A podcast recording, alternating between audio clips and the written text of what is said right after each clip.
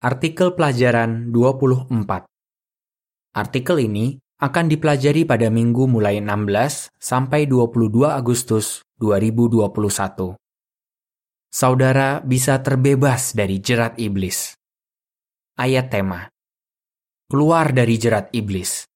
2 Timotius 2 ayat 26. Nyanyian nomor 36, Kujaga hatiku. Yang dibahas Setan seperti seorang pemburu terampil yang berusaha menjebak kita. Meskipun kita mungkin sudah lama melayani Yehua, kita tetap bisa terperangkap oleh setan. Di artikel ini, kita akan membahas dua jerat yang dia gunakan untuk merusak hubungan kita dengan Yehua, yaitu kesombongan dan keserakahan. Kita juga akan membahas apa yang membuat beberapa orang menjadi sombong dan serakah serta bagaimana agar kita tidak menjadi seperti mereka. Paragraf 1. Pertanyaan. Kenapa setan bisa disamakan seperti pemburu? Seorang pemburu hanya punya satu tujuan, yaitu menangkap atau membunuh mangsanya. Seperti yang ditunjukkan Alkitab, dia bisa menggunakan berbagai perangkap atau jerat supaya tujuannya tercapai. Nah, bagaimana seorang pemburu bisa membuat mangsanya masuk perangkap? Pertama, dia mempelajari mangsanya. Misalnya dia mencari tahu di mana binatang itu biasanya berada, apa yang dia sukai, dan perangkap seperti apa yang cocok untuknya. Sama seperti pemburu ini, setan juga mempelajari kita.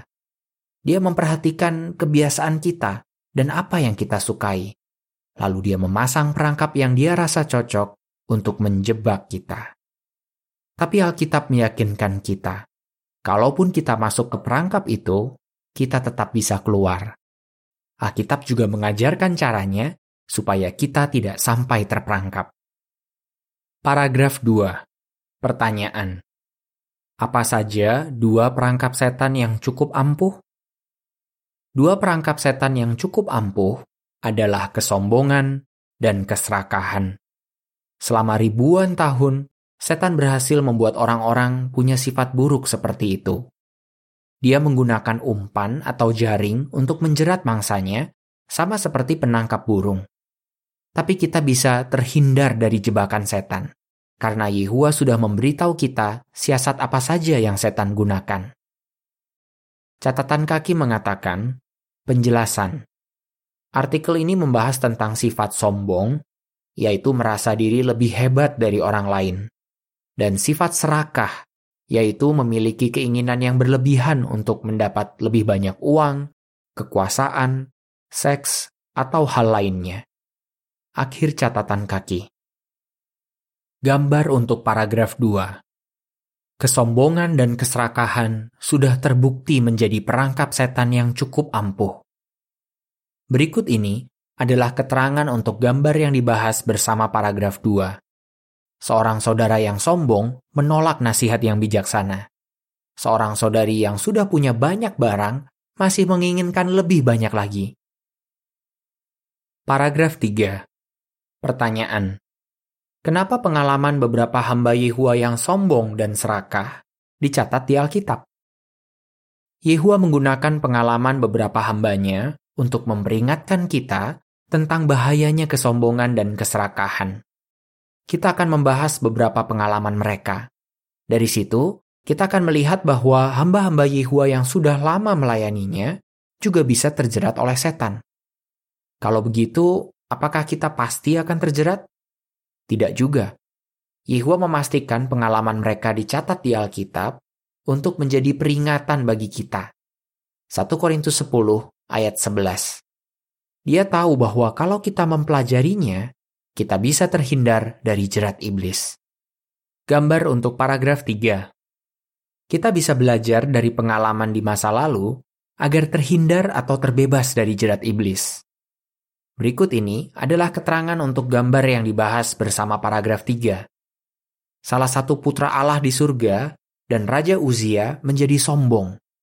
Karena sombong, Hawa makan buah dari pohon yang dilarang.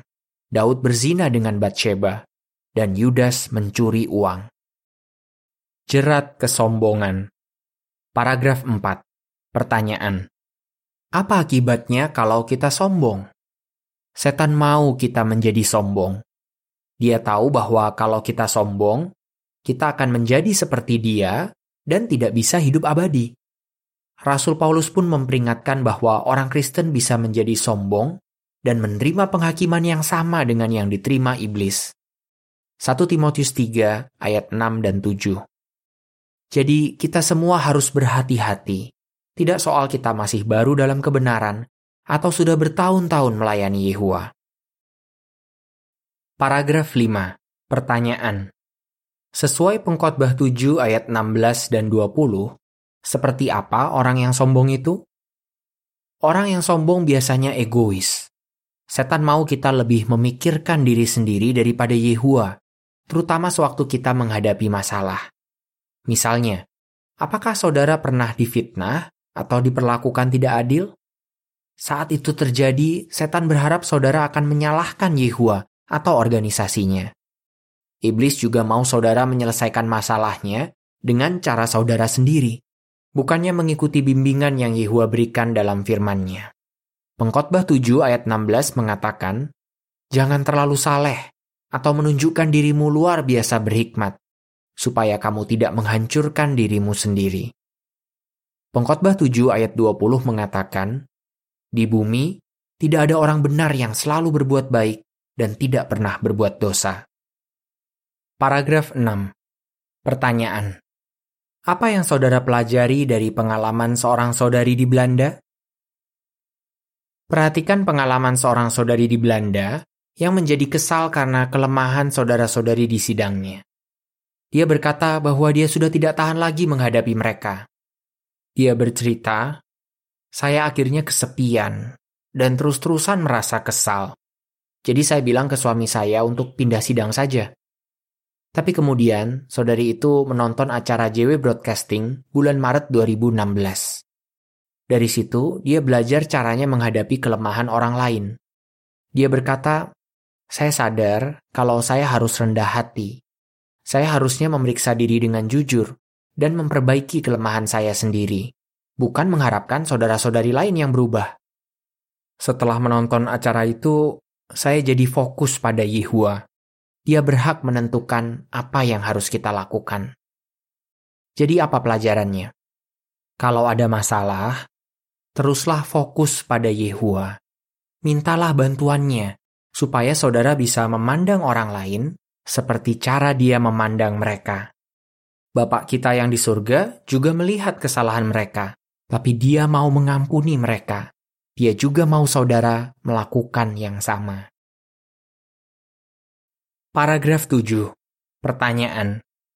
Ceritakan pengalaman Raja Uzia.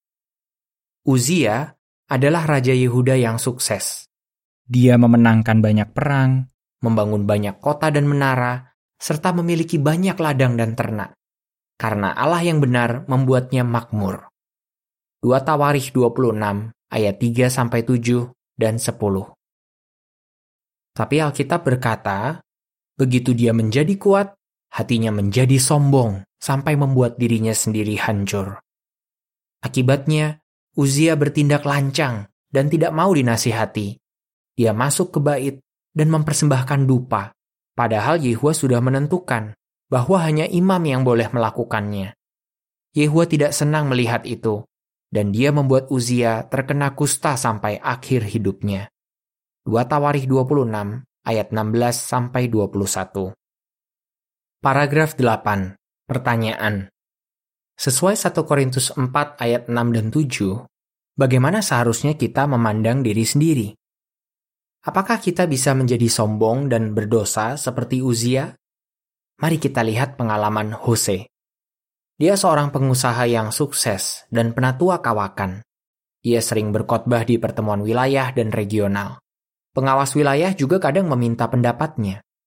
Dia mengakui, saya mengandalkan diri sendiri dan pengalaman saya. Saya jadi mengabaikan Yehua. Karena merasa diri kuat, saya tidak mendengarkan nasihat dan peringatan darinya. Belakangan, Jose melakukan dosa serius dan dipecat. Beberapa tahun lalu, dia diterima kembali di sidang. Dia berkata, Yehua mengajar saya bahwa yang terpenting bukan tugas kita di organisasi, tapi ketaatan kita kepadanya. Ingatlah, kesanggupan apa pun yang kita miliki dan tanggung jawab apa pun yang kita terima di sidang, semuanya berasal dari Yehua. Kalau kita sombong, Yehua tidak mau menggunakan kita. 1 Korintus 4 ayat 6 dan 7 mengatakan, Saudara-saudara, saya berbicara dengan menggunakan diri sendiri dan Apolos sebagai contoh demi kalian, supaya kalian mengerti aturan ini. Jangan melebihi apa yang tertulis. Dengan begitu, kalian tidak akan sombong atau menganggap orang tertentu lebih baik daripada yang lain. Apa yang membedakan kalian dari orang lain?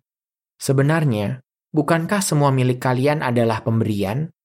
Kalau itu memang pemberian, kenapa kalian bangga seolah-olah itu bukan pemberian? Jerat keserakahan. Paragraf 9.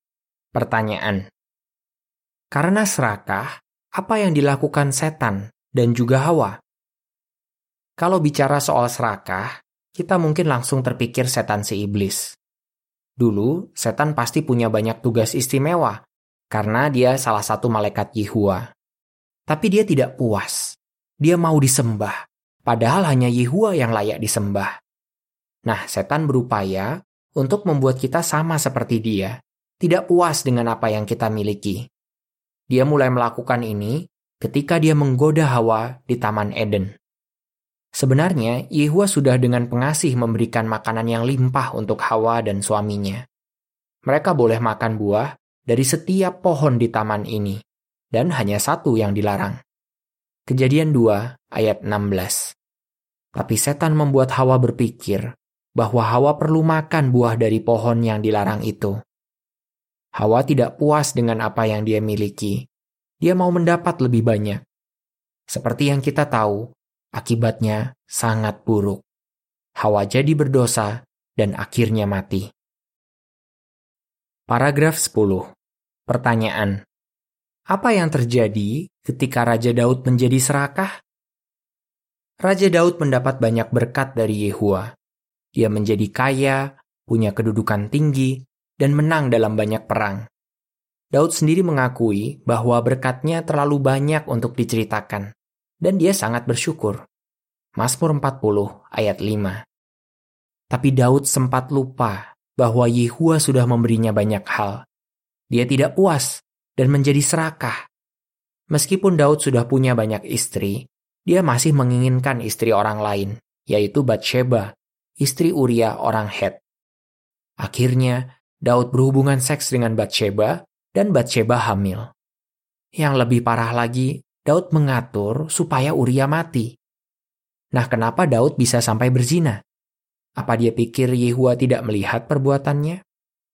Daud yang tadinya setia kepada Yehua jatuh karena serakah, dan akibatnya sangat menyedihkan. Tapi Daud akhirnya mengakui kesalahannya dan bertobat. Dia pasti lega karena Yehua mau mengampuninya. Paragraf 11. Pertanyaan. Menurut Efesus 5 ayat 3 dan 4, apa yang perlu kita lakukan supaya kita tidak serakah?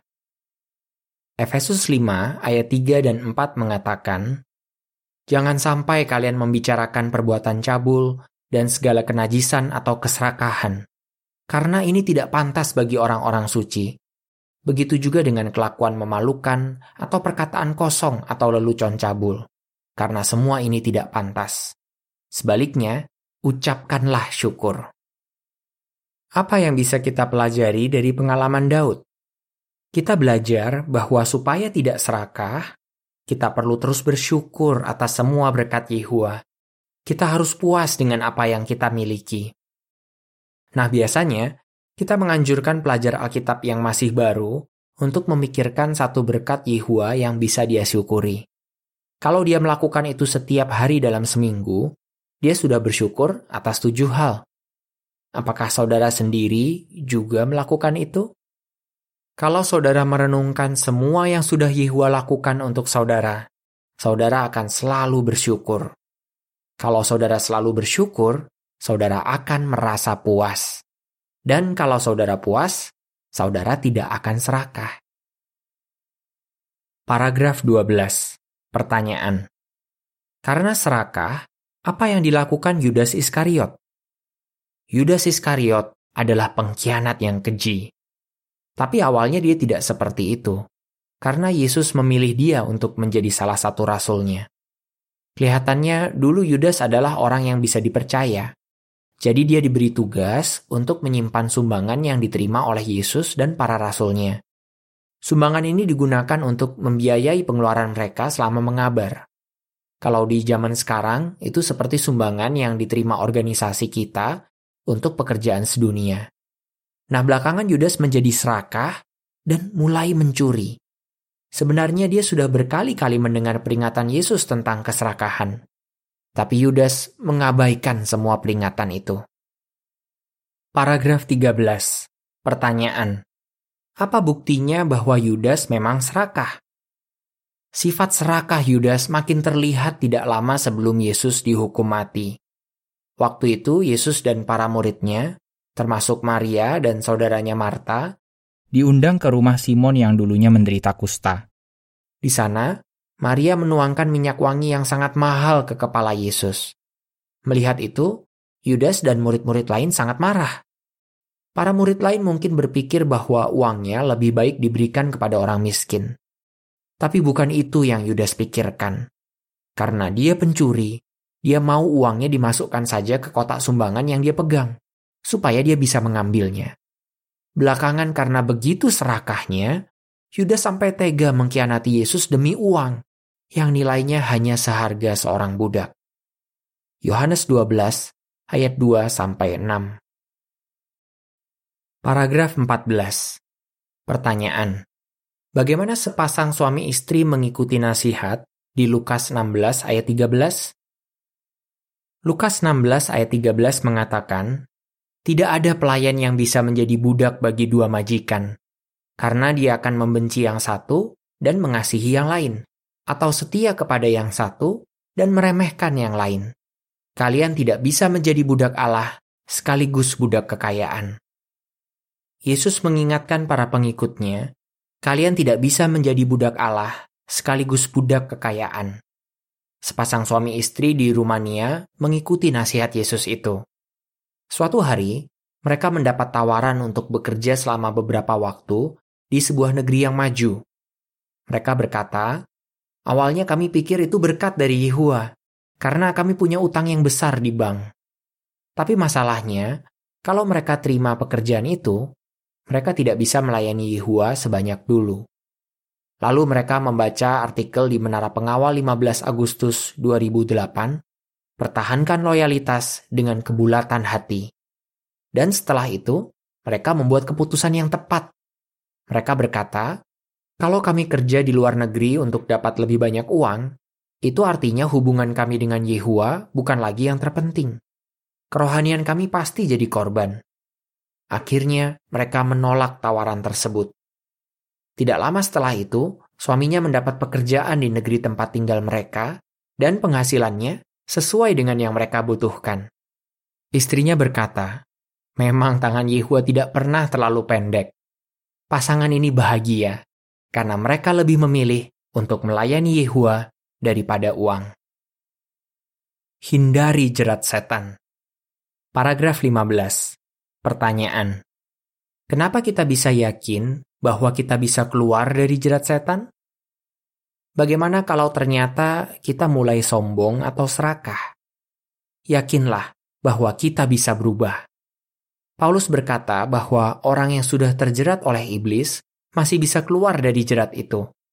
2 Timotius 2 ayat 26 Contohnya Daud. Dia mau mendengarkan teguran keras dari Nathan, bertobat, dan memperbaiki hubungannya dengan Yehua. Ingatlah, Yehua lebih kuat daripada setan. Jadi dengan bantuan Yehua, kita bisa terbebas dari jerat atau perangkap apa pun yang setan gunakan. Paragraf 16. Pertanyaan. Bagaimana kita bisa menghindari jerat setan? Tentu saja, jauh lebih baik kalau dari awal kita menghindari jerat dan perangkap setan. Kita bisa menghindarinya hanya kalau kita mengandalkan Allah. Jangan pernah merasa bahwa kita tidak mungkin menjadi sombong atau serakah. Bahkan hamba-hamba Yehua yang sudah lama melayani dia bisa jatuh karena kedua sifat itu. Jadi setiap hari, mintalah Yehua membantu saudara untuk memeriksa apakah kesombongan atau keserakahan sudah mulai memengaruhi pikiran dan tindakan saudara. Jangan biarkan sifat-sifat buruk itu berkembang dalam diri saudara. Paragraf 17. Pertanyaan. Sebentar lagi, apa yang akan terjadi atas setan si iblis? Setan sudah menjadi pemburu selama ribuan tahun. Tapi sebentar lagi, dia akan diikat dan akhirnya dibinasakan. Kita pasti menantikan saat itu. Tapi sekarang, teruslah berhati-hati terhadap jerat-jerat setan. Berupayalah sebisa-bisanya agar saudara tidak menjadi sombong atau serakah. Bertekadlah untuk melawan iblis dan dia akan lari dari saudara. Yakobus 4 ayat 7. Apa jawaban saudara? Apa saja yang bisa kita pelajari dari pengalaman Raja Uzia tentang kesombongan? Apa saja yang bisa kita pelajari dari pengalaman Raja Daud dan Yudas Iskariot tentang keserakahan? Kenapa kita bisa yakin bahwa kita bisa terbebas dari jerat setan? Nyanyian nomor 127. Seperti apa aku seharusnya? Akhir artikel.